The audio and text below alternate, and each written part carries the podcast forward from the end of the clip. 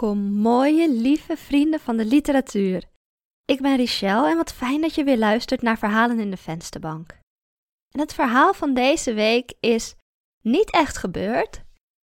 Geen van de gebeurtenissen die beschreven worden in dit verhaal hebben zich daadwerkelijk in het echte leven afgespeeld, maar het onderliggende gevoel, het gevoel van het personage en het gevoel, ja, zeg maar dat, dat zoekende onbegripgevoel waar het personage door gedreven wordt, dat ken ik wel zelf heel goed. En ik zou zelf zeggen dat dit verhaal voor mij een goede representatie is van hoe het voelt om op te groeien met ongediagnosticeerd autisme. Het verhaal gaat over een meisje dat wegloopt van school en ja, haar best doet om de wereld te begrijpen en die haar best doet om ja, het normaal doen te begrijpen. Ik wens jullie heel veel plezier met het verhaal. Begrijp mij alsjeblieft.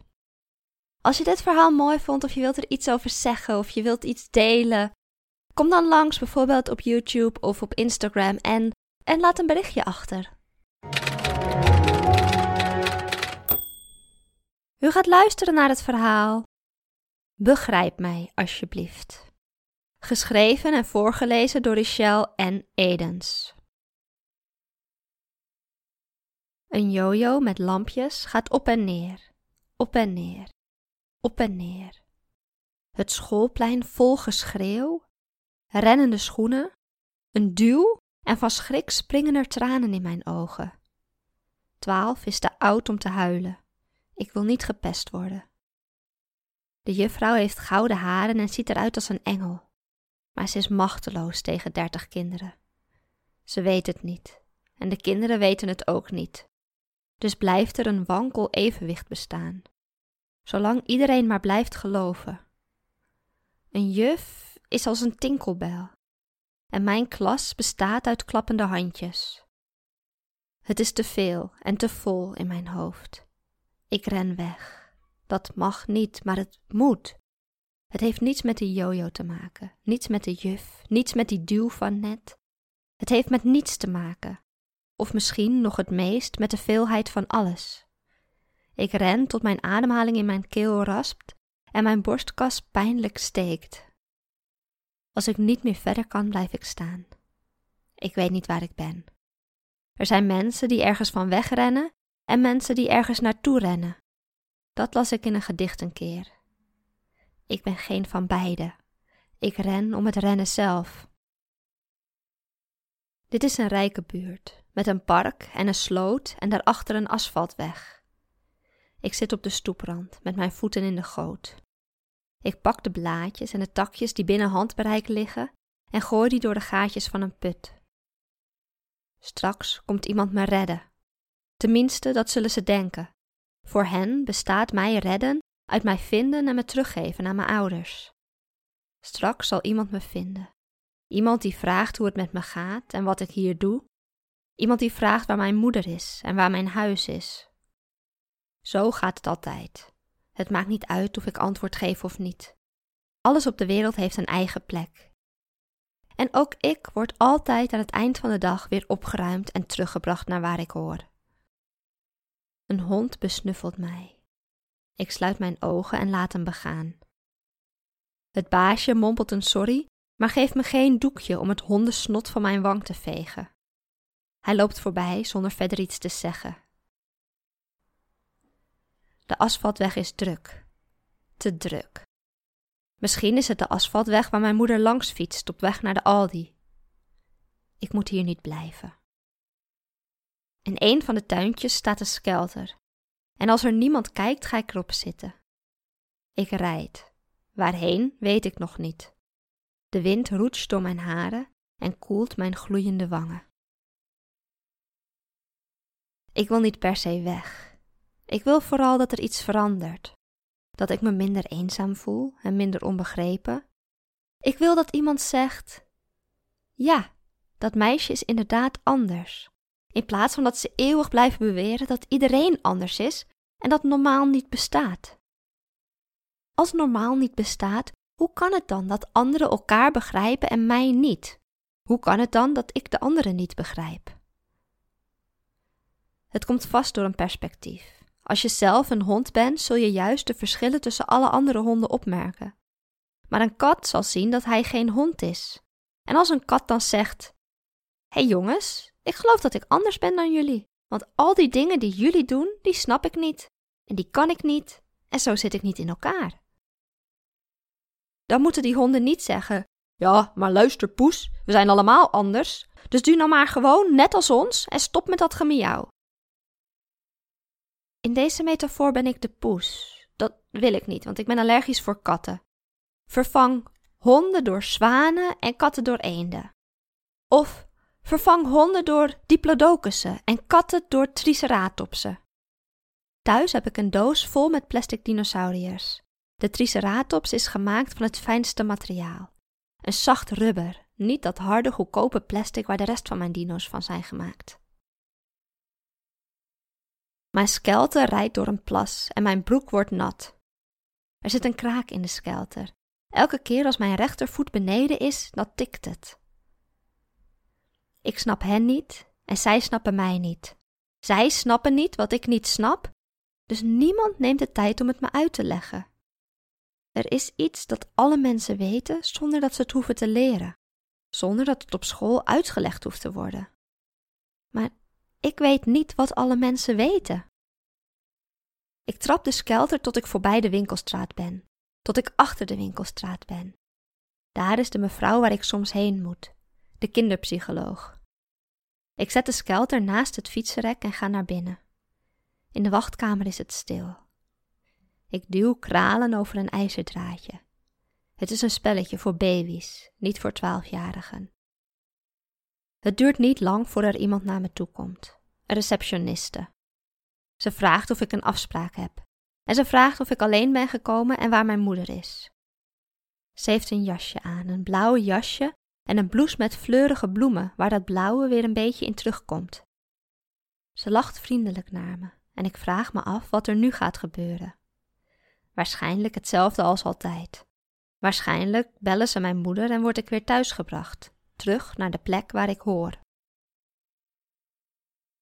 Ik lieg en zeg dat mijn moeder de auto nog aan het parkeren is.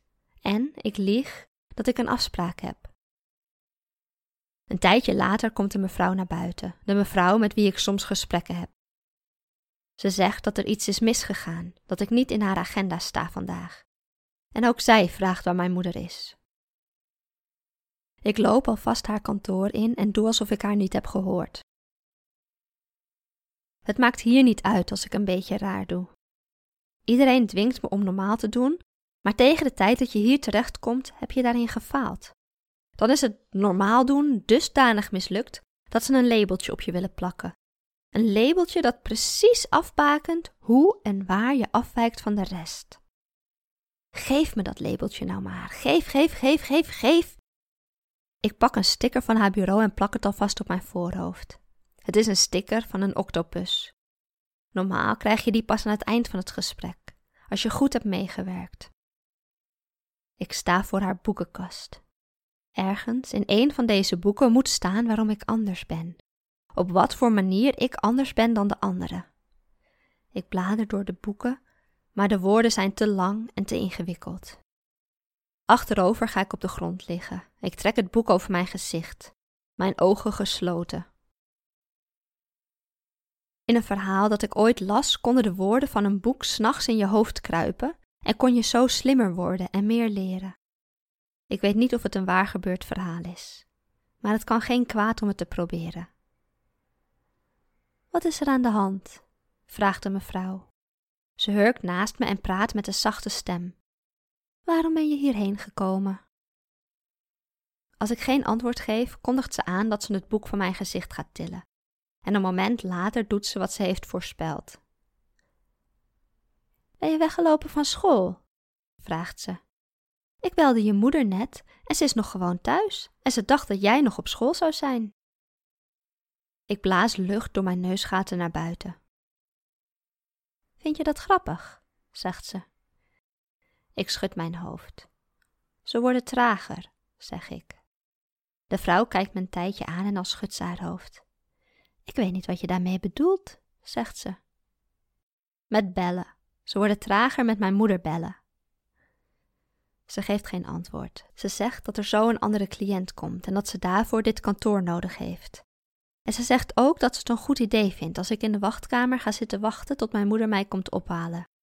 En ze zegt dat ik volgende week weer een afspraak met haar heb. Dat we het dan even over mijn gedrag van vandaag kunnen hebben. Ik blijf liggen en pak een volgend boek uit haar boekenkast.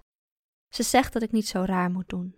Ze zegt dat ik een slimme meid ben en dat ik best weet hoe het hoort en dat ik nu gewoon even op moet staan en moet luisteren.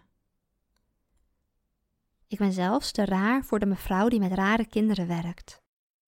Ik sta op, niet omdat ze tot me doordringt, maar omdat ik inzie dat het nutteloos is. Ook zij weet niet wat er anders aan mij is. Ook zij begrijpt mij niet. Zij begrijpt niet waarom ik moet weglopen van een speelkwartier en waarom ik in haar kantoor op de grond moet liggen. Als ik weer in de wachtkamer zit, krijg ik evengoed een lolly. Er zit een andere moeder met een andere kind ook in de wachtkamer. Een jongetje met ADHD. Bij hem is het overduidelijk wat er anders aan hem is. Hij kan minder goed stilzitten dan de juffrouw in zijn klas zou willen. Dus krijgt hij medicijnen waardoor hij zich suf en lusteloos voelt en geen zin meer heeft om te bewegen. Misschien moet ik me ook maar druk gaan gedragen. Misschien krijg ik dan ook een labeltje. Misschien krijg ik dan ook medicijnen waarvan ik zo suf en loom word dat het niet begrijpen geen pijn meer doet. Mijn moeder komt me ophalen. Ze is boos op de receptioniste, hoewel zij er niets aan kan doen. En ze zegt dat er niets mis met mij is. Dat ik gewoon een keer moet leren om normaal te doen. Ze zegt niet hoe of van wie ik dat normaal doen dan moet leren. Ze zegt dat hier komen zinloos is en alleen maar handenvol geld kost. En ze zegt dat we hier niet meer terugkomen. Ze pakt me bij mijn hand en zet me in de auto. In de achteruitkijkspiegel zie ik de skelter bij het fietsrek staan, tot we aan het eind van de straat de bocht omslaan. U heeft geluisterd naar het verhaal Begrijp mij alsjeblieft, geschreven en voorgelezen door Richelle en Edens. Hartstikke bedankt voor het luisteren naar dit verhaal. Ik vind het zelf een heel ontroerend verhaal en ik ben heel benieuwd wat jij ervan vindt. Of jij het ook een mooi verhaal vindt, of jij het meisje begrijpt. Nou ja, als dat zo is, of als je iets wilt delen, kom dan naar Instagram, verhalenindevensterbank.nl en praat mee. Laat het ons weten, want we horen graag ook jouw verhaal. Als je dit een gaaf project vindt, vertel er dan over aan een vriend, een vriendin, een moeder of een schoonvader, een oom, een buurvrouw of een collega. En geef deze podcast een like of vijf sterren, afhankelijk van de podcast-app waarop je luistert en wat er voor jou mogelijk is. En vergeet niet je te abonneren op deze podcast of deze podcast te volgen, want we hebben jou er graag volgende week weer bij. Voor nu, een hele fijne avond en een hele fijne week en ik zie jullie allemaal volgende week bij het volgende verhaal. Doei doei!